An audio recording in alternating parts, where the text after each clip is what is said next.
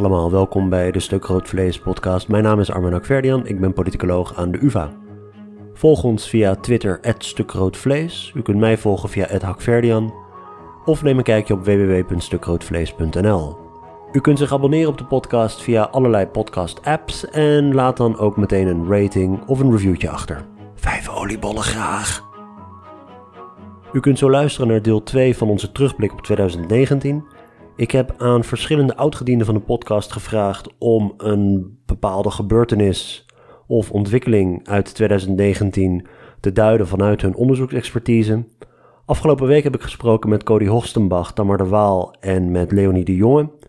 En deze week praat ik met drie collega's van de UvA, drie hoogleraren, Marlies Glazius, Tom van der Meer en Sarah de Lange.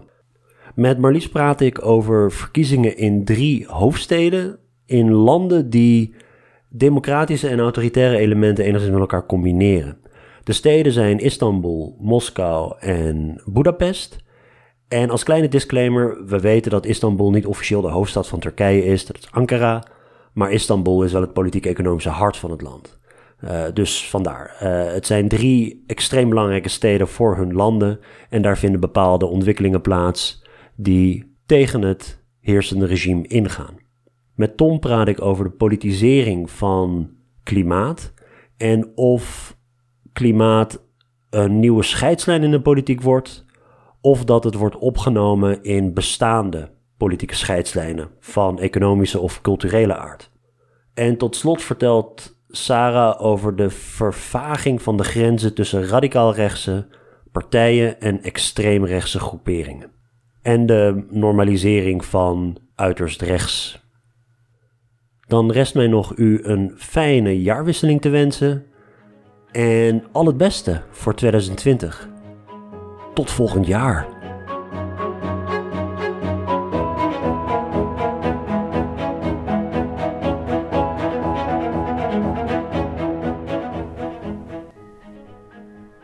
Marlies, goedemorgen. Welkom terug bij de podcast.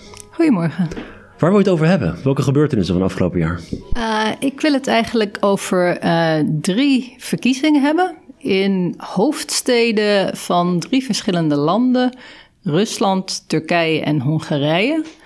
En het zijn alle drie landen die we als hybride beschouwen. Ergens een beetje tussen een democratie en een echt autoritair regime in. En in alle drie die hoofdsteden heeft de oppositie een verkiezing gewonnen. Dus het gaat om Istanbul, Moskou en Budapest. En die combinatie tussen democratische en autocratische elementen, hoe, um, hoe uitzicht dat? Wat daar interessant aan is, is dat in dat soort landen worden ook wel electorale autocratieën genoemd. Daar heb je verkiezingen. En het zijn ook echte verkiezingen in die zin dat uh, oppositiekandidaten mee mogen doen. Maar het levert geen gelijk speelveld op. Dus de regels die zijn zo georganiseerd dat de oppositiepartijen of oppositiekandidaten niet dezelfde kansen hebben als uh, de kandidaten van de regeringspartij. En dat gebeurt onder andere doordat uh, de media vaak heel erg in handen is van die regeringspartij. Uh, er zijn soms beperkingen op het campagne voeren door de oppositie. Uh, er wordt gerommeld met kiesdistricten. Soms worden er ook echt kandidaten uitgesloten. Allemaal dat soort regels waardoor het moeilijker is, maar niet onmogelijk voor oppositiekandidaten om verkiezingen te winnen. Ja, die drie landen die uh, zijn natuurlijk alle drie ook in het nieuws vanwege juist het feit dat ze de afgelopen, nou als we toch willen terugkijken op het afgelopen decennium bijvoorbeeld. Uh, het zijn drie voorbeelden die je heel vaak ziet ook in uh, de politicologische literatuur van landen die zijn teruggevallen. Um, zie je nog verschillen tussen die drie landen? Want ik heb het idee dat in Rusland bijvoorbeeld dingen als openlijke intimidatie veel gebruikelijker is dan, dan in die andere. Nou ja, Turkije, zeker na de koe misschien ook wel. Maar um, bij Hongarije heb ik het eerder het idee dat het achter de schermen wordt er gerommeld, bijvoorbeeld aan het kiesstelsel. Quote-unquote legaal gerommeld. Uh, en als de verkiezingsdag dag er is, dan is het eigenlijk al te laat. Dan is het speelveld al dusdanig gekanteld. Dan hoef je eigenlijk niet eens meer te intimideren en zo. Ja, dat is inderdaad. Er zitten verschillen tussen die landen. Maar soms worden die verschillen ook pas echt goed zichtbaar op het moment dat je verkiezingen hebt. Want wij hebben als politicologen het probleem dat je in dit soort landen heel moeilijk onderzoek kan doen naar de uh, voorkeuren van mensen als het gaat om waar ze op stemmen. Dus je kan best opiniepeilingen doen over hoe nationalistisch mensen zijn, hoe ze over klimaatverandering denken, maar op wie ze gaan stemmen, daar kom je gewoon niet achter. Maar datzelfde informatiegebrek dat heeft de regeringspartij zelf ook. En hmm. dat levert soms verrassingen op. Maar komt dat omdat mensen in bijvoorbeeld enquêteonderzoek niet vrij uit durven te spreken? Of komt het omdat de data onbetrouwbaar is? Of, of, of waar, waar, waar komt het door dat je die nou, die twee dingen dus bij elkaar. Mensen durven niet vrij uit te spreken, hmm. dus zijn de data onbetrouwbaar. Daar komt het op neer. Maar dus ook de, de data die de regering heeft. Ze, ze liegen ook tegen, tegen machthebbers. Ja, je kunt je niet voorstellen dat. Eh, ik zou zelfs zeggen dat het nog moeilijker is voor een regering zelf dan voor een echt onafhankelijke instantie om de vinger erachter te krijgen. Uh, ja, waar ontevredenheid met de regeringspartij zit en hoe zich dat gaat uiten. Ja, ik, misschien is het natuurlijk zo dat, dat mensen vanwege het feit dat ze zich geïntimideerd en onderdrukt voelen, eerder geneigd zijn te zeggen: ja, natuurlijk zal ik bij verkiezingen op de regeringspartij stemmen. Dus dat het eigenlijk tegen de regeringspartij op die manier werkt, dat ze zich veilig wanen of zo. Precies, en dat heb je ook in het verleden heel vaak gezien, dat een autoritair regime heel stevig in het zadel lijkt te zien, lijkt te zitten, en dan opeens, Tunesië is een mooi voorbeeld, stort het als een kaartenhuis in elkaar. En dat is omdat niemand wist wat er onder de oppervlakte daadwerkelijk aan de hand was. Ja. En als we die drie uh, voorbeelden afgaan, uh, zie je dan, het zijn alle drie hoofdsteden. Is dat een toeval? Um, nee, dat is denk ik geen toeval. Maar daar hebben we denk ik de minste informatie over waarom die hoofdsteden dus als eerste richting oppositie gaan. Uh, je kunt je voorstellen dat dat te maken heeft met misschien jongere mensen, beter opgeleide mensen. Een van de dingen waar ik bijna zeker weet dat dat een rol speelt, is waar mensen hun informatievoorziening vandaan halen. We weten dat in hoofdsteden, in alle drie die landen, toch nog steeds uh, een verschil zit met de, rura met de ja, uh, plattelandgebieden. In de mate waarin mensen internet gebruiken en sociale media gebruiken. En er is onderzoek gedaan door iemand hier aan de UvA, Chris Ruigrok, die heeft laten zien dat in dit soort landen hoe meer mensen van internet en vooral sociale media gebruik maken, hoe meer ze aan protestdemonstraties tegen de regering deelnemen. Dus je kunt je heel goed voorstellen dat diezelfde groep ook de groep is die meer op oppositiepartijen gaat stemmen. En dat is natuurlijk heel interessant, want in westerse landen zijn we toch langzamerhand geneigd om sociale media als giftig voor de democratie te beschouwen. Maar in deze landen, waar het alternatief de staatstelevisie is, is wel degelijk de sociale media de weg waarlangs mensen alternatieve informatie ontvangen en kritischer tegenover hun eigen regering gaan staan. En dat zien we nog steeds. Ja, en deze landen zijn dus blijkbaar, of de regimes in deze landen zijn blijkbaar niet dusdanig autoritair dat ze dat internetgebruik ook volledig eigenlijk surveilleren en in, in, in, in hun macht hebben. Een beetje zoals China bijvoorbeeld. Het, het, internet is nog steeds open, zodat je via de sociale media ook oppositie kunt organiseren. Ja, het internet is inderdaad nog steeds enigszins open. En het is natuurlijk ook heel moeilijk om dat zo te organiseren dat het bedrijfsleven geen enkele last van censuur heeft. En tegelijkertijd dat je alle politieke uitingen wel onder je controle krijgt. Is China een uitzondering wat dat betreft? Um, ik denk zelfs in China dat dat niet volledig het geval hmm. is. Zelfs in China circuleert ook van alles aan kritische geluiden um, op het internet. Heel vaak is het dan binnen 24 uur of 36 uur weg, maar het is er wel even. Ja, ja. En hoe, hoe zijn die uh, verkiezingen uiteindelijk verlopen in die drie hoofdsteden? De oppositiekandidaten hebben uh, gewonnen. Ja, ze waren alle drie iets anders. Ik zal eens eventjes doorlopen. Graag, um, Istanbul was in het voorjaar in maart. Um, en daar had je een oppositie. Je had eigenlijk drie kandidaten: twee van oppositiepartijen en één van de regeringspartij, de AK-partij. En het leek alsof de oppositiekandidaat Imamoglu nipt gewonnen had. En dat werd ook door de uh, verkiezingsraad in eerste instantie erkend. Dat heeft vervolgens de regeringspartij aangevochten en die heeft die verkiezingsraad zodanig onder druk gezet dat er nieuwe verkiezingen zijn uitgeschreven. Een klassieke strategie in dit soort uh, hybride regimes. Ja, maar dat de scheidsrechters onder druk zetten. Ja, want natuurlijk, zo'n verkiezingsraad is niet helemaal onafhankelijk. Maar het aardige is dat dat hier falikant mis is gelopen. Want de derde partij, wat we soms noemen de pro-Koerdische partij, die heeft eigen kandidaat toen in die herverkiezingen teruggetrokken, zodat iedereen richting Imamoglu ging. En die heeft toen heel overtuigend gewonnen de tweede keer. En dat past wel weer met bevindingen over hoe je verkiezingen in dit soort situaties manipuleert en hoe je het vooral niet moet doen. Degene die daar een boek over heeft geschreven is Andreas Schettler. En wat hij heeft laten zien is dat uh, autocratieën, regeringspartijen wegkomen met heel veel. Met de media controleren, met kandidaten uitsluiten, met kiesdistricten op bepaalde manieren organiseren.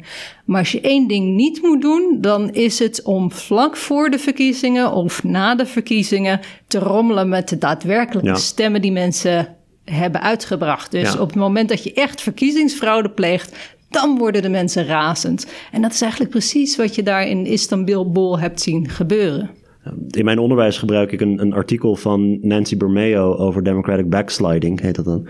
En um, zij heeft het ook over dit, dit verschil tussen, zeg maar, in-your-face fraude van verkiezingen uh, en eigenlijk het achter de schermen strategisch manipuleren van bepaalde zaken, wat al maanden voor de verkiezingen plaatsvindt. En zij sprak met uh, electorale waarnemers. En een van de quotes in dat uh, artikel is: um, Rigging elections on election day is for amateurs.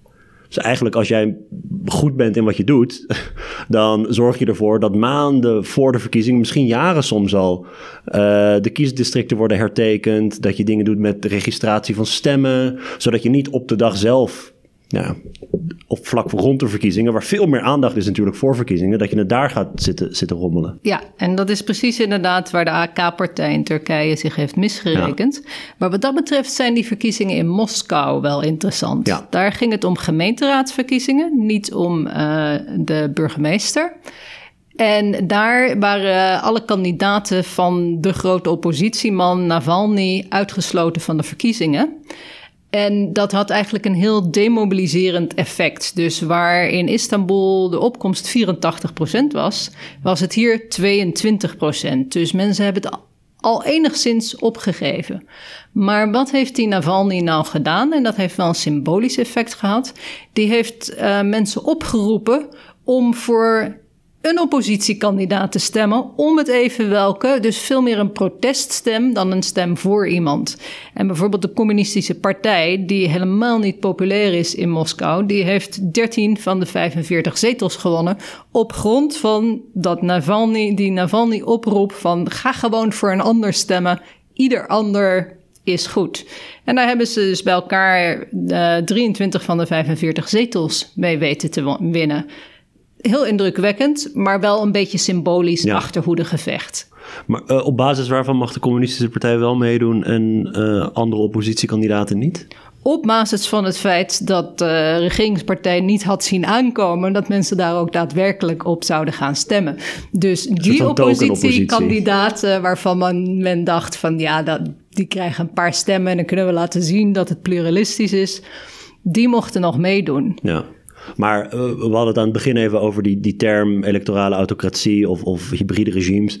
Rusland lijkt echt wel aan die ondergrens te zitten van eigenlijk min of meer een autocratie. Want als je anderen daadwerkelijk verbiedt om deel te nemen aan verkiezingen, dan kom je al heel erg richting eigenlijk min of meer een pure autocratie. Ja, dus die term hybride, die wil je eigenlijk alleen toepassen op uh, situaties waar je voor verrassingen kan komen te staan. En in Rusland lijkt dat niet meer het geval te zijn.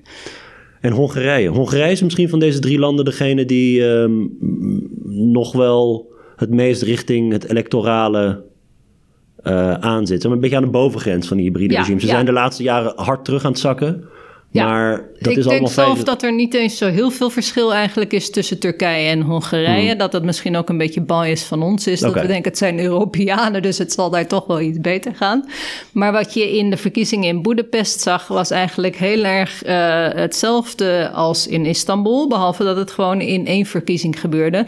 Namelijk een hele grote coalitie van alle partijen, behalve de regeringspartij en de andere extreemrechtse partij. Allemaal samen achter de oppositiekandidaat gaan staan. Die oppositiekandidaat, eh Carasoni, dat is ook niet helemaal toevallig, dat is een politicoloog. Dus Kijk, dat is nog eens een keer valorisatie. Ja, tacticus van hoe je moet stemmen. Ja. En het interessante is dat in zijn eh, acceptance speech heeft hij eh, verwezen naar Istanbul en gezegd van kijk, wat daar gebeurde, dat is wat wij ook nu hebben weten te doen. En hoe reageren, zeg maar, in de, in de nasleep van dit soort ehm, nederlagen? eh, hoe reageren de regimes hierop? Um, een van de dingen die je ziet gebeuren, onder andere ook in Hongarije, is nou, als lokale verkiezingen worden gewonnen, inclusief in de hoofdstad, door de oppositie, ja, dan probeer je het dus meer te centraliseren en meer naar het nationale niveau te tillen. Dus dat is een van de dingen die je ziet gebeuren. Tegelijkertijd, het zijn echt hybride systemen. Ze hebben nog steeds de. Ze willen ook de, illusie uitdragen richting eigen bevolking, richting het buitenland, dat we hier met een democratie te doen hebben. Dus ze zijn daar wel degelijk beperkt in. En ik denk dat je ook zowel voor Hongarije als voor Turkije je moet realiseren dat die regeringspartijen ook een echte grote aanhang hebben. Het is niet allemaal angst. Nee, er is gewoon nog een grote minderheid, misschien wel een meerderheid van de mensen in het land die uit overtuiging voor deze partijen stemmen. Je, je ziet het ook, ook elders wel, dat, dat, nou laten we zeggen, leiders met een meer populistische signatuur, dat die zich heel erg afzetten tegen de hoofdstad, notabene. Het, het, echte volk, uh, het echte pure volk, dat leeft eigenlijk niet in de hoofdstad. Wat heel gek is, want de hoofdstad is over het algemeen, ja goed, de facto eigenlijk een, een, een belangrijke speler in het geheel. Maar het lijkt net alsof de hoofdsteden uh, steeds minder representatief worden voor andere delen van het land.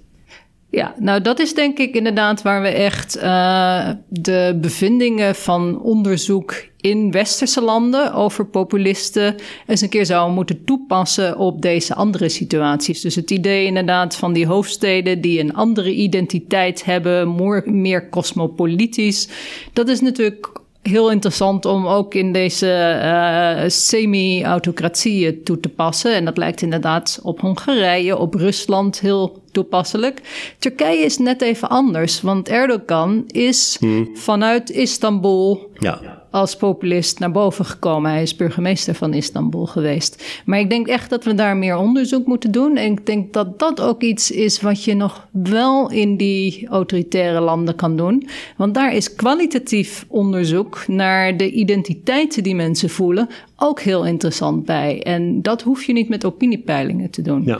Ik ben ook heel nieuwsgierig, daar weten we heel weinig van, um, naar wat de stedelijke omgeving eigenlijk doet met de politieke socialisering van mensen. Dus wat gebeurt er in zo'n stad in de weken voor een verkiezing? Dat gewoon echt kwalitatief anders is dan de manier waarop plattelanders zich wel of niet organiseren. Ja. Goed, Marlies, bedankt voor de uitleg. Al het beste voor 2020. En dat er maar meer hoofdsteden oppositiekandidaten. Ja, inderdaad. We hebben na, de, na dit decennium van, van autocratisering zou het goed zijn om, om het volgende decennium weer de andere kant op te bewegen. Goed, bedankt.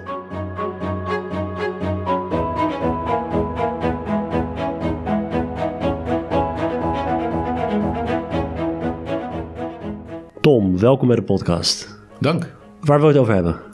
Nou, wat voor mij het uh, meest uh, aansprekende thema was van het afgelopen jaar... is toch echt de opkomst van uh, klimaat in het politieke debat. Hmm, We zien ja. het al jaren een, een, thema worden, maar dit jaar was het echt overal. Hoe zag je dat? Ja, denk aan de discussies rond het klimaatakkoord dat werd gesloten. Allereerst dan met de klimaattafels, de, de, de overleggen die de regering voerde... met allemaal maatschappelijke partners... en wie er wel en niet mochten aanschuiven aan die tafels... Ehm, en vervolgens het akkoord zelf, uh, dat dan weer besproken moest worden door een parlement, dat zich daarvoor eigenlijk een beetje buitenspel gezet voelde. De campagnes, voor, met name die voor de Eerste Kamer, uh, voor de Provinciale Staten moet ik zeggen, waar Forum voor Democratie heel veel aandacht trok, omdat ze een afwijkende positie innamen in dat hele klimaatdebat.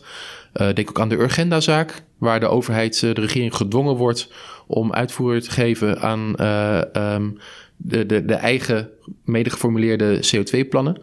Dus ja, de thema komt steeds weer terug. Ja, en dan is een beetje voor ons als politicoloog is een beetje de kunst van um, hoe loopt die politieke competitie dan? Wat, wat, wat zijn de scheidslijnen in de samenleving? Hoe komen ze tot stand, maar ook hoe worden ze in stand gehouden? Hoe zie jij dat met klimaat? Want het is nog een pril in Nederland, de klimaat als een soort, soort scheidslijn. Um, ja, hoe, hoe verhoudt zich dat tot andere scheidslijnen? Ja, dat, is nog een beetje de vraag. Kijk, op zich, klimaat hebben we een aantal decennia geleden ook al gehad. Toen noemen we het nog milieu. Hmm. Uh, maar, kernenergie. Ja, nou, rond kernenergie, ja. kernenergie inderdaad. Met jaren tachtig uh, was het rond Chernobyl met name opeens een, een groot thema. En uh, toen kwam ook GroenLinks, de fusie richting GroenLinks was toen in gang gezet. En toen werd milieu een thema van linkse partijen. Dus dat hele thema milieu, dat, dat werd eigenlijk ingepast in de al bestaande tegenstelling. In dit geval vooral een economische tegenstelling. En of dat met klimaat gaat gebeuren, dat is nog maar de vraag. Kijk, politiek kan je misschien beschouwen als een soort van conflict dat op verschillende lagen tegelijkertijd wordt uitgevochten. Je ziet als een soort van driedimensionaal schaken. De meest platte vorm van conflict is conflict dat er bestaat tussen uh, uh, uh, een, een gevestigde macht en een uitdager. En daar is ook de meeste aandacht voor in onze media. Tussen die hele platte vorm van conflict.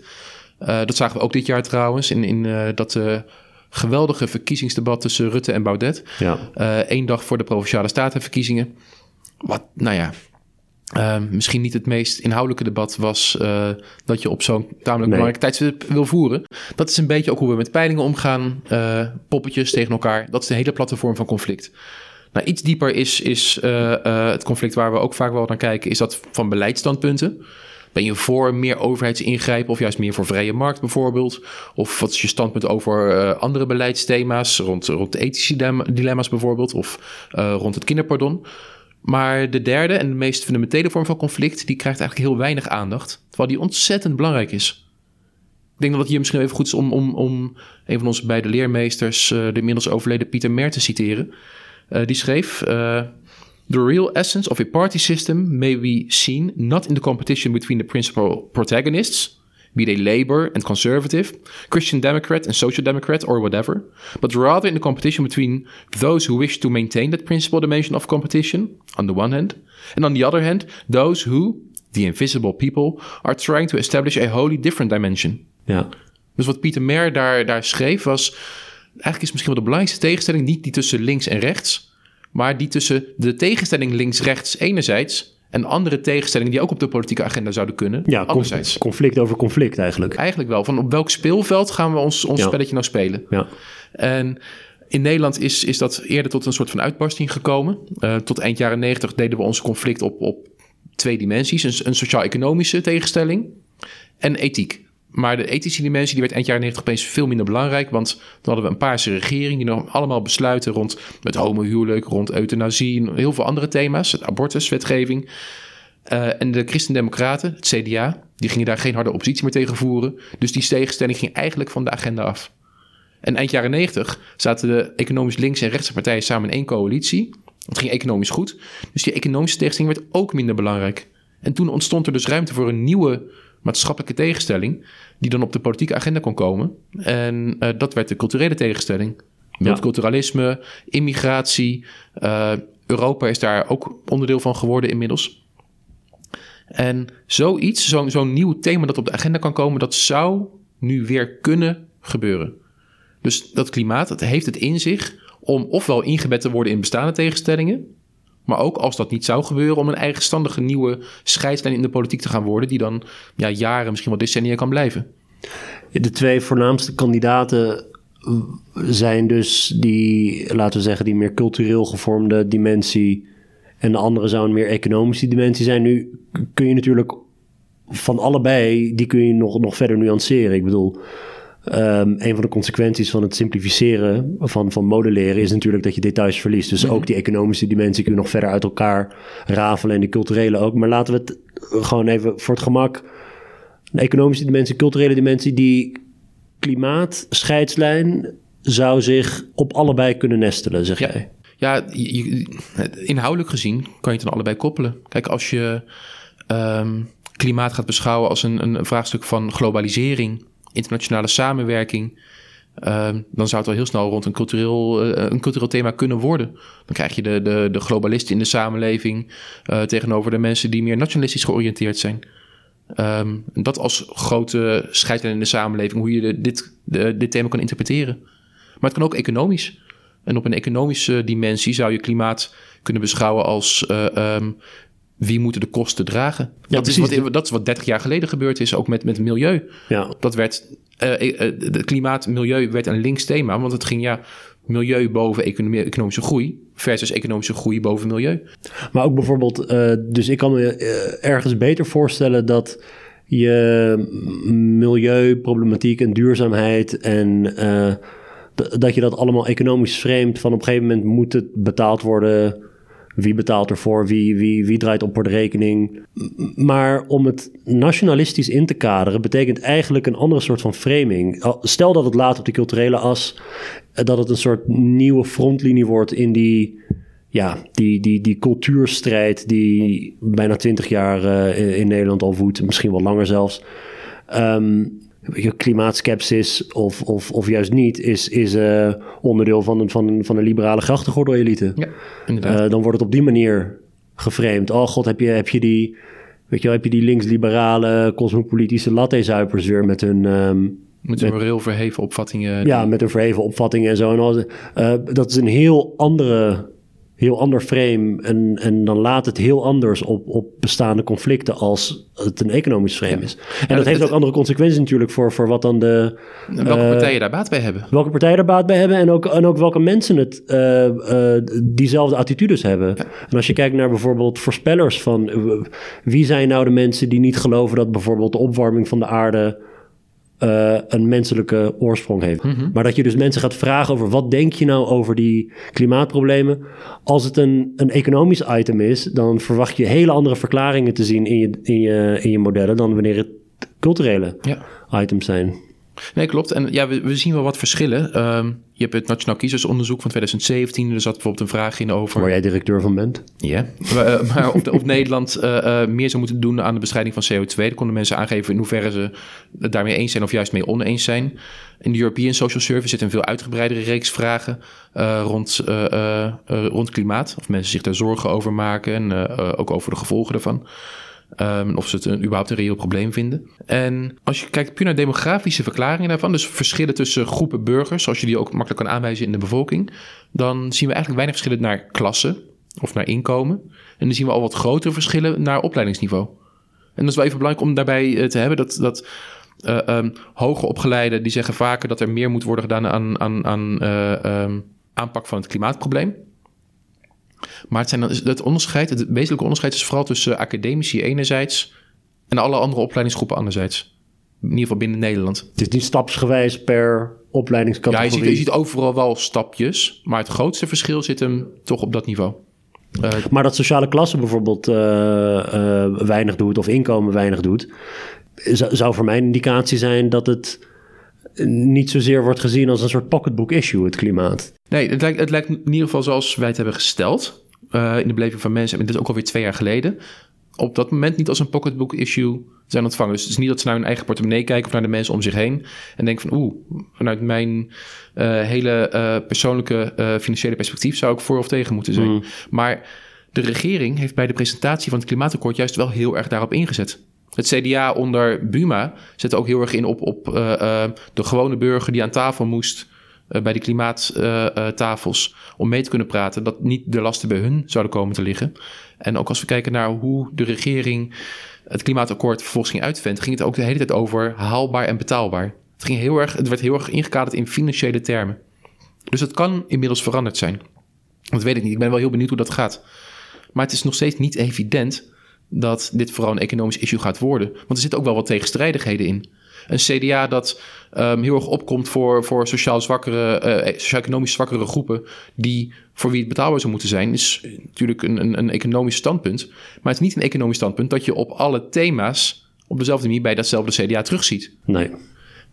Dus ja, dan is het ook niet heel makkelijk voor een CDA om, om dat standpunt te rijden met een andere economische standpunt. Dus dat ja, ik heb dus, perfect aan. Uh, wanneer het gaat om bijvoorbeeld zo'n zo'n opmerking van Buma, gaan bij mij alarmbellen rinkelen in die zin van wanneer mensen het hebben over gewone mensen, dat er dan veel meer iets achter zit als meer de, de kasmudde-achtige uh, insteek van gewone mensen. Namelijk in ieder geval. Het, wij weten allemaal wel wie we bedoelen. Ja, in ieder geval niet de elite, niet de lui aan de universiteit. Dat zijn niet de gewone mensen. Dus het is.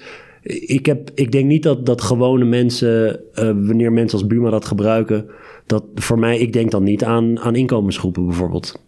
Ja, dit bevestigt alleen maar wat ik, wat ik een beetje mijn standpunt is van hoe het klimaatdebat zich nu ontwikkelt, is dat het nog steeds niet duidelijk is ja. of het nu geschaard gaat, wonder, geschaard gaat worden onder een economische thematiek, een culturele thematiek, of dat het gewoon zijn eigen scheidslijn gaat worden die de politiek gaat medestructureren.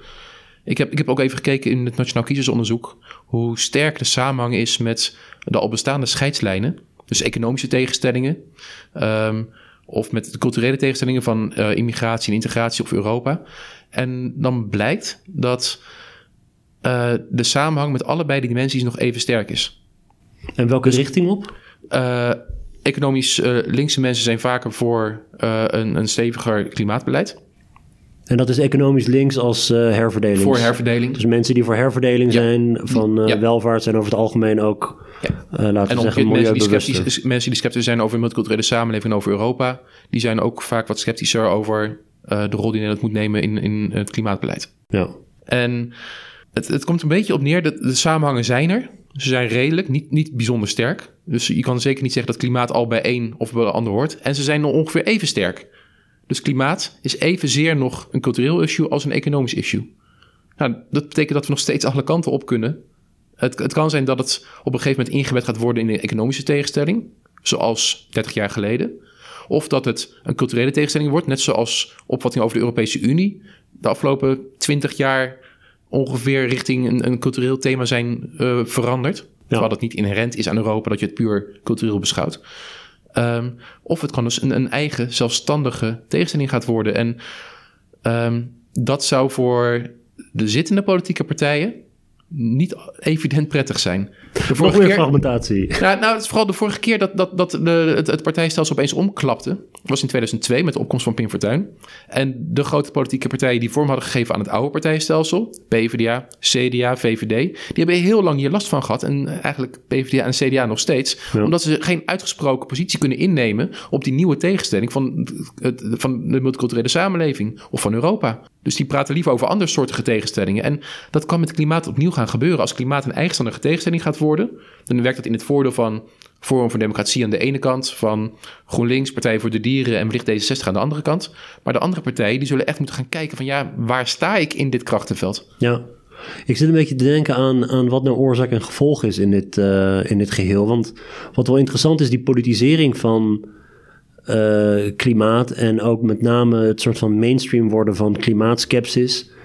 Um, de partijen die aan uh, die, die, uiting moeten geven aan, uh, laten we zeggen, de groene kant van het debat, die zitten er eigenlijk al. Er hoeven geen nieuwe partijen te, te komen. En natuurlijk heb je nog bij bestaande partijen heb je ook, ook D66 heeft natuurlijk ook gewoon een, een, een milieuparagraaf die, uh, die aan de groene kant staat. En ja, maar um, denk ook eind jaren negentig. Toen speelde cultuur nog niet een gigantisch grote rol. Eh, de multiculturele samenleving. Onder burgers was het een heel belangrijk thema. Maar politiek in de Tweede Kamer werd het zeker onder Paars 2 niet heel erg uitgewend. Dan kan je zeggen, ja, ook toen al had je partijen in de Tweede Kamer zitten die wel sceptischer waren over de multiculturele samenleving. Zoals bijvoorbeeld de VVD. En dat klopt dan wel. Maar die gaven er niet heel erg uiting aan. En met klimaat kan je tot op zekere hoogte hetzelfde zeggen. Ja, die tegenstellingen waren er wel ook zichtbaar in het parlement als je goed keek. Maar er werd niet heel erg, dat werd niet heel erg uitgedragen. Ja. En nu met het klimaatakkoord, met de verschillende akkoorden die zijn gesloten, met de Urgenda-zaak, is het opeens heel erg politiek geworden. En dan is dus de vraag van hoe gaan partijen, hoe gaan politici hiermee om? Ja. En met Forum voor Democratie, met een, die een veel, heel uitgesproken positie in heeft genomen op dat klimaatbeleid. Niet noodzakelijk dezelfde als die ze drie jaar geleden hadden. Maar in de afgelopen campagne wel heel expliciet uh, hierover zijn geweest. Ja, wordt de tegenstelling toch weer heel erg stevig, ook politiek. Ja. Tom, uh, 2020, uh, nieuw jaar. Wat uh, staat er zo op je onderzoeksagenda? Een paar, paar, paar highlights? Um, uh, wat, wat ik volgend jaar vooral ga doen is, is onderzoek naar um, de gevolgen van politiek vertrouwen voor burgers. Wat, wat, gebeurt er als hun vertrouwen stijgt en daalt met hun steun voor de democratie, met hun neiging om te, om, om, om te gaan participeren in de politiek? onder parlementariërs. Hoe reageren zij op vertrouwenscrisis? Uh, en, en op, op landsniveau. Um, als een democratie in verval raakt, is een vertrouwenscrisis daar een indicatie dan van? Of een, of een oorzaak van? Of misschien helemaal niet? Dus dat is een heel belangrijk uh, thema waar ik echt mee aan de slag wil. En daarnaast ben ik een leuk nieuw project begonnen naar de voorspellende waarde van uh, opiniepeilingen. Kijk. Wanneer raken die, worden die opiniepeilingen nou eindelijk uh, relevant als voorspelling van de aankomende verkiezingen? Toch eventjes hoor. Um, wat, wat, is, wat is je verwachting? Ik denk dat, dat de voorspellende waarde van peilingen pas op het laatste moment zit. Uh, tamelijk kort voor uh, de verkiezingen. Dat het dan heel snel zal toenemen. En dat tot die tijd de voorspellende waarde niet zo heel erg veel groter is dan überhaupt kijken naar de vorige verkiezingen. Dan zullen peilers ook terecht zeggen: wij proberen ook niet te voorspellen. En daar ben ik het helemaal met ze mee eens. Maar ze worden dus niet altijd gebruikt in de media. Dus vandaar ik echt wel goed, goed wil kijken van hoe werkt dit proces nu eigenlijk op macroniveau, maar ook op microniveau. Welke groepen kiezers ja, um, zitten steviger al in hun voorselectie naar hun uiteindelijke stem? Ja. Bedankt ook voor uh, je deelname het afgelopen jaar aan een uh, aantal podcasts. Graag gedaan. Ga vooral door. Goeie, goeie kerst. Prettig uiteinde en uh, tot, tot volgend jaar. Tot volgend jaar.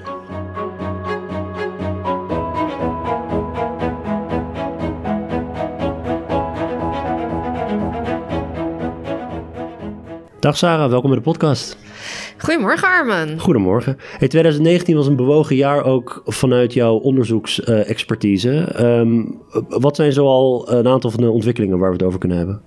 Nou, we zien in 2019 natuurlijk dat uh, radicaal rechtspopulistische partijen onverminderd uh, populair blijven. Uh, maar dat is voor mij eigenlijk niet de belangrijkste ontwikkeling. wat ik nog veel belangrijker vind, wat het afgelopen jaar heeft plaatsgevonden, is dat we zien dat de, de scheidslijn tussen radicaal rechtspopulistische partijen, die meedoen aan verkiezingen, en extreemrechtse bewegingen, die vaak buitenparlementair actief zijn, dat die scheidslijn eigenlijk veel uh, zwakker is geworden. Hmm. En dat is echt een, een relatief nieuwe ontwikkeling die zich langzaam heeft ingezet sinds de vluchtelingencrisis.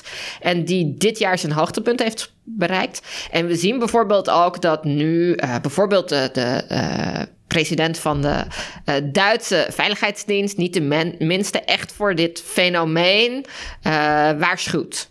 Omdat dat toch een, ja, een belangrijke uitdaging ook voor de liberale democratie vormt. Als dat verschil tussen bewegingen die alleen anti-liberaal-democratisch zijn, de radicaal-rechtspopulistische partijen, maar wel gewoon binnen de grenzen van het democratisch systeem opereren. Ja. En de bewegingen die echt antidemocratisch zijn, de extreemrechtse bewegingen in de samenleving, uh, als die scheidslijn langzaam uh, verdwijnt. Ja, de terminologie is hier belangrijk en ik weet dat jij daar um, veel aandacht aan besteedt, ook wanneer je bijvoorbeeld in de media over dit onderwerp spreekt. Vaak is het zo'n soort brei van, beetje aan de rechterzijde van het politieke spectrum, extreem rechts, radicaal rechts, ultra rechts of uiterst rechts, of dat wordt allemaal op één hoop gegooid. Kun je het onderscheid aangeven tussen extreem rechts en radicaal rechts. Ja, dat is een onderscheid dat heel belangrijk is en dat ook in de Nederlandse media niet altijd goed gebruikt wordt. We hebben natuurlijk het afgelopen weken ook de discussies gehad over uh, hoe we bijvoorbeeld de dames die uh, actief zijn voor uh, Forum voor Democratie moeten aanduiden. Ehm, in ons veld uh, zijn er eigenlijk drie begrippen gangbaar. Uh, we hebben het in de brede zin over uiterst rechtse bewegingen, in het Engels far-right uh, movements. En onder uiterst rechts vallen twee verschillende stromingen. de eerste is de radicaal rechtse stroming. en de tweede is de extreemrechtse stroming. En die zijn echt heel erg verschillend van elkaar uh, qua gedachtegoed, uh, qua manier waarop ze politiek opereren en actief zijn. Uh, en daarmee ook hoe ze zich verhouden tot de democratie. Als we het eerst over radicaal rechts hebben. radicaal rechts gaat over bewegingen, met name politieke partijen, um, die eigenlijk drie ideologische kenmerken hebben. Uh, in de eerste plaats zijn ze autoritair. Ze denken in een op een hele hiërarchische manier na over de uh, inrichting van de samenleving, waarbij uh, respect voor regels en autoriteit heel belangrijk is. Uh, dus dan hebben we het over uh, uh, law and order denken. Mm. Belang van veel blauw op straat, streng straffen. Maar ook luisteren naar andere gezagsautoriteiten. Je ouders als kinderen. de meester in de klas en dergelijke. hun tweede kenmerk is het nativisme. Dus dat is een combinatie van nationalisme en xenofobie. En de derde ideologische bouwsteen is populisme inmiddels uh, va vaak bediscussieerd uh, in ja. deze podcast. Ja, als, als, uh, dat... als onze luisteraars niet kunnen dromen wat de definitie van populisme is volgens Cas Mudde, dan heb ik gefaald het afgelopen nou ja, Nog even, nog toch in okay. de herhaling. Uh, voor politicologen is dat geen scheldwoord, maar dat is een, een begrip om aan te duiden dat het gaat om politieke uh, bewegingen die ervan overtuigd zijn dat er een fundamentele tegenstelling is tussen een goed volk en een, een corrupte elite. Uh, en dat de politiek zo hervormd moet worden dat dat goede volk het echt voor het zeggen krijgt. Bijvoorbeeld ja. door referenda, direct gekozen vertegenwoordigers, et cetera. Nou, die drie elementen, uh, autoritarisme, nativisme en uh, populisme, komen alle drie uh, voor binnen het rad radicaal rechtse stroming. En die drie elementen zijn in principe niet antidemocratisch. Het zijn drie stromingen die passen binnen ons democratisch stelsel. En die ook omarmd worden door politieke partijen die gewoon meedoen met verkiezingen. En ook de uitkomst van die verkiezingen accepteren. En je bedoelt democratisch met name in de wat meer uh, beperkte uh, electorale ja. zin van het woord. Die meerderheid... het principe van vrije en eerlijke verkiezingen onderschrijven.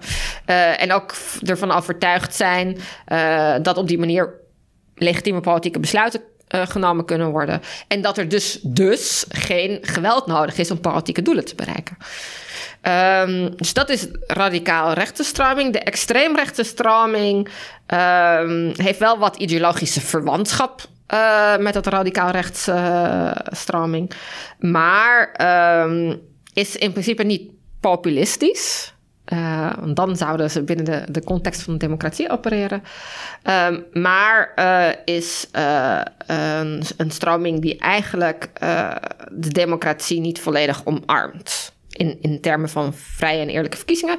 En die met, met name ervan overtuigd is dat onder sommige omstandigheden de politiek geweld geoorloofd is om politieke doelen te bereiken.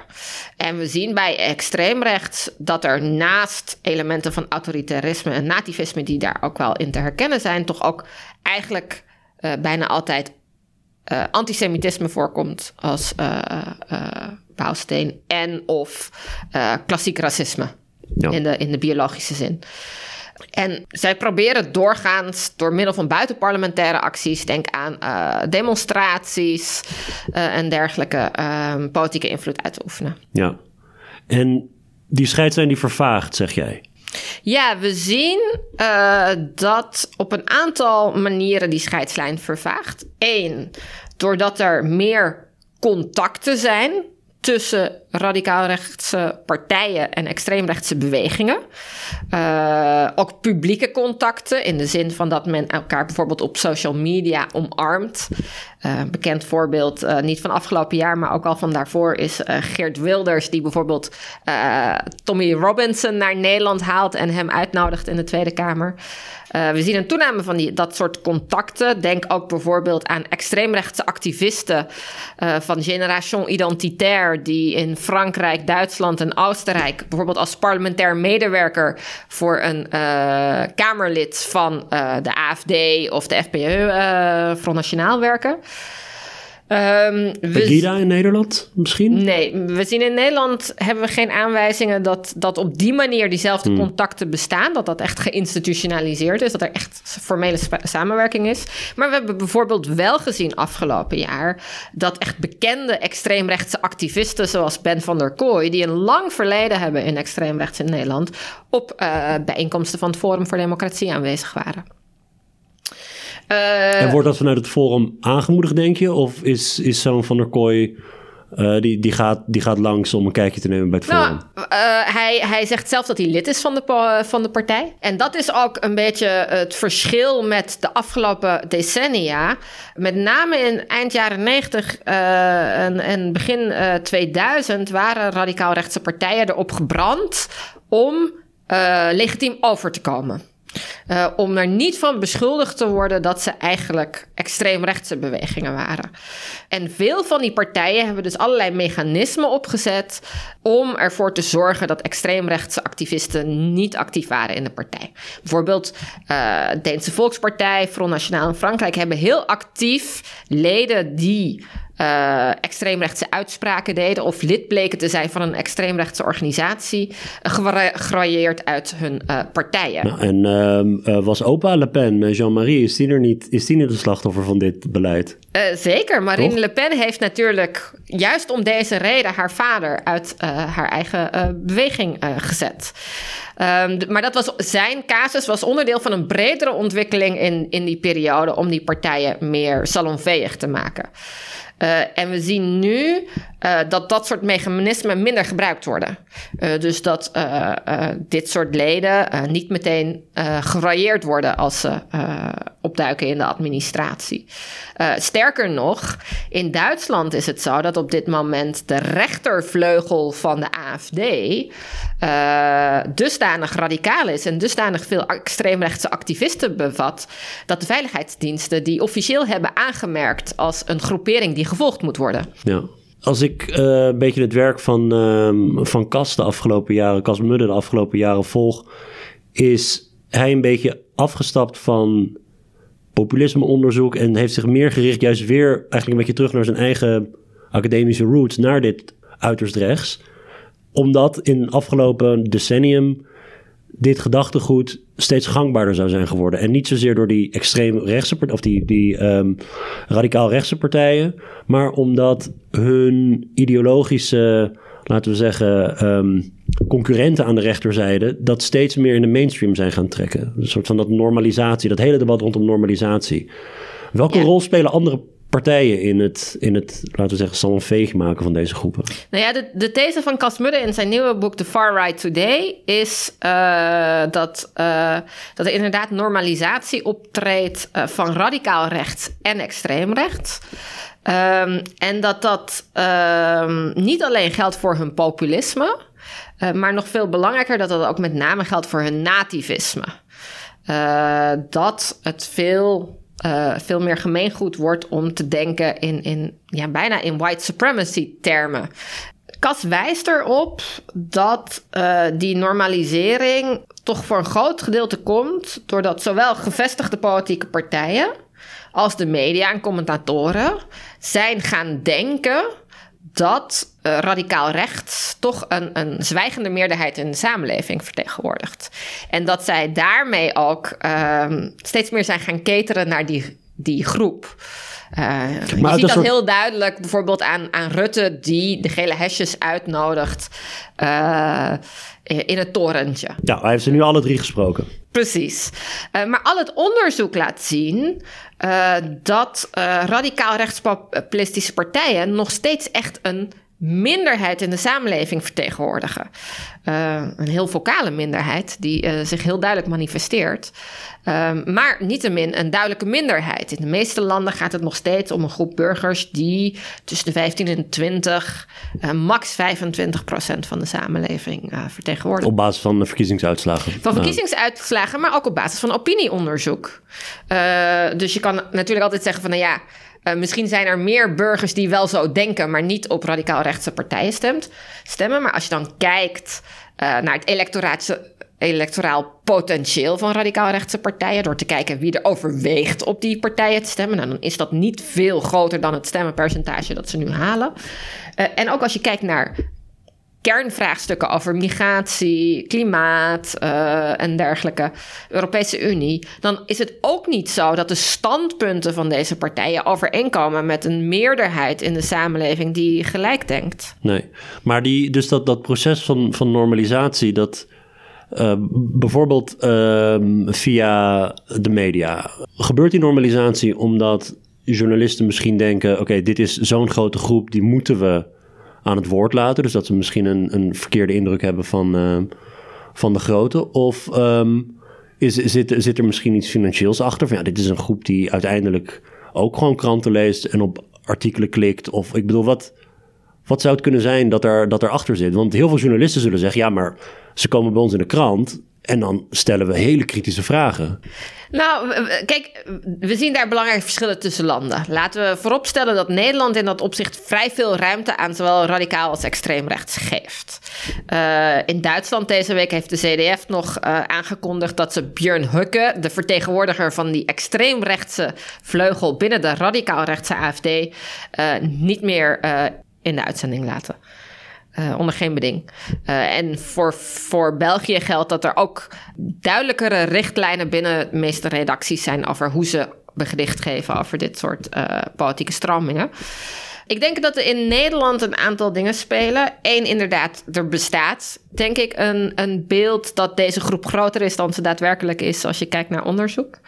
Twee, ik denk dat de journalistiek in Nederland toch een belangrijke klap nog steeds heeft te verwerken van uh, fortuin. In de zin dat men toch heel erg opereert onder de assumptie dat men ten alle tijden mogelijke onvrede in de samenleving moet laten zien, uh, omdat men anders uh, ja, de boot mist. En drie, ja, de medialogica. wat jij noemt de financiële prikkel. we moeten uh, controversieel of spraakmakend nieuws brengen om uh, te verkopen, die speelt ook een rol. Maar geloof jij die strategie niet dat je dan bijvoorbeeld iemand uitnodigt uh, en die juist kritisch ondervraagt of quote-unquote ontmaskert? Veel onderzoek laat zien dat uh, van alle type aandacht, of dat nou positief of negatief is voor, voor een uh, politicus of een politieke beweging, dat daar een, een zekere legitimerende werking van uitgaat. Simpelweg doordat je iemand een platform geeft. Natuurlijk kan je zo iemand kritisch bevragen. En ik zou er ook voorstander zijn van als je zo iemand een platform geeft, dat je hem altijd kritisch moet bevragen en nooit uh, um, alleen de ruimte moet geven. Uh, dit is afgelopen uh, jaar bijvoorbeeld gebeurd op Radio Rijnmond, waar men Ben van der Kooi een uur lang live in de uitzending heeft geïnterviewd. Um, maar ik denk ook dat men dat media een hele goede afweging moeten maken wanneer ze iemand wel of niet een platform geven, kritisch of niet. En dat je niet politici of activisten die maar een hele kleine groep in de samenleving vertegenwoordigen. Want zeker bij extreem rechts hebben we het daar natuurlijk over. Extreem rechts in Nederland is qua grootte nog steeds een marginaal fenomeen met slechts enkele duizenden activisten. Dat je um, dan toch altijd moet kijken of de aandacht die je geeft in verhouding staat tot de steun voor de beweging. Of het gelegitimeerd is om iemand met zulke extreme opvattingen, die dus in het geval van extreemrechts antidemocratisch zijn, of, of je iemand op die manier een platform moet geven. En hoe zie je die relatie zich verder ontwikkelen? Want die extreemrechtse bewegingen, zoals je net zei, dat zijn bewegingen die hebben antidemocratische neigingen en mede daarom zullen ze misschien verkiezingen mijden en die zullen zich organiseren. Nou ja, tegenwoordig denk ik dan voornamelijk online. Hoe, hoe, gaat dit, uh, hoe gaat dit verder, die, die, die relatie tussen radicaal rechts en, en extreem rechts? Dat is op dit moment nog, nog lastig te voorspellen, denk ik. Kijk, een van de redenen waarom dit op dit moment kan gebeuren uh, in veel West-Europese landen, is dat er dat radicaal rechtse partijen op dit moment uh, in veel landen weinig kans hebben om te gaan regeren in een regeringscoalitie. En op het moment dat dat het geval is, dan heeft het ook geen zin om naar salonveegheid te streven. Dat brengt je op dat moment niet. Maar op het moment dat de politieke krachtsverhoudingen in Europa zo verschuiven. Uh, dat dat weer wel een mogelijkheid wordt. Dan zou het kunnen zijn dat ze zich toch meer afkeren weer van extreem rechts. Dat is één mogelijkheid. Het andere wat het moeilijk maakt om, om het uh, te voorspellen is op dit moment, is omdat al onze veiligheidsdiensten in Nederland, in Duitsland, in Frankrijk nu wel veel meer aandacht hebben voor extreem rechts. Uh, en dat ze daar veel gedetailleerder gaan kijken naar wat er daar gebeurt. Ook veel meer uh, gaan vervolgen. Er is uh, de, op de dag dat wij dit interview opnemen, is er een grote inval in Hessen geweest door de Duitse politie om weer een extreemrechtse beweging te deactiveren eigenlijk. Er zijn ook weer veel wapens bij gevonden. Uh, en dat men natuurlijk naast uh, die monitoring en de vervolging ook meer gaat inzetten op preventie. In de hoop dat die extreemrechtse bewegingen ook kleiner worden in de toekomst. Dus ook dat, als die strategie succesvol is, verandert dat natuurlijk ook weer het speelveld. Dus om die twee redenen vind ik het lastig om te voorspellen hoe dit in de toekomst zich verder zal ontwikkelen. Tot slot, 2020. Um, kun je een tipje van de sluier oplichten? Wat, wat voor soort onderzoek ga je doen in 2020? Wat zijn de, wat zijn de projecten waar je nu mee bezig bent? Nou, we starten per 1 januari met een geheel nieuw project met een aantal uh, AJO's die een proefschrift gaan schrijven over uh, de manier waarop jongeren en ouderen, en dan niet jong en oud in termen van leeftijd, maar in termen van generatieverschillen. Dus de jongeren die nu een cohort met elkaar voeren, vormen de ouderen die dat uh, eerder deden, uh, hoe zij uh, verschillen in hun stemgedrag. En niet alleen het feit dat ze op andere politieke partijen stemmen, maar ook de vraag: hoe is hun stemgedrag eigenlijk gemotiveerd? Stemmen zij om andere redenen op andere partijen? en ik ben heel benieuwd wat daaruit komt. Bijvoorbeeld of, of, of je tegenwoordig gesocialiseerd bent ten opzichte van 30 jaar geleden. Nou ja, dus als je jongeren nu vergelijkt met jongeren toen bijvoorbeeld, in plaats van jongeren of dus jongeren en ouderen nu. We, we, weten dat, dat ouderen gesocialiseerd zijn in een tijd uh, waarin het uh, partijsysteem nog redelijk overzichtelijk was. En de meeste politieke partijen in Nederland in de eerste plaats campagne voerden op sociaal-economische thema's. Die waren toen nog de kern van de politiek.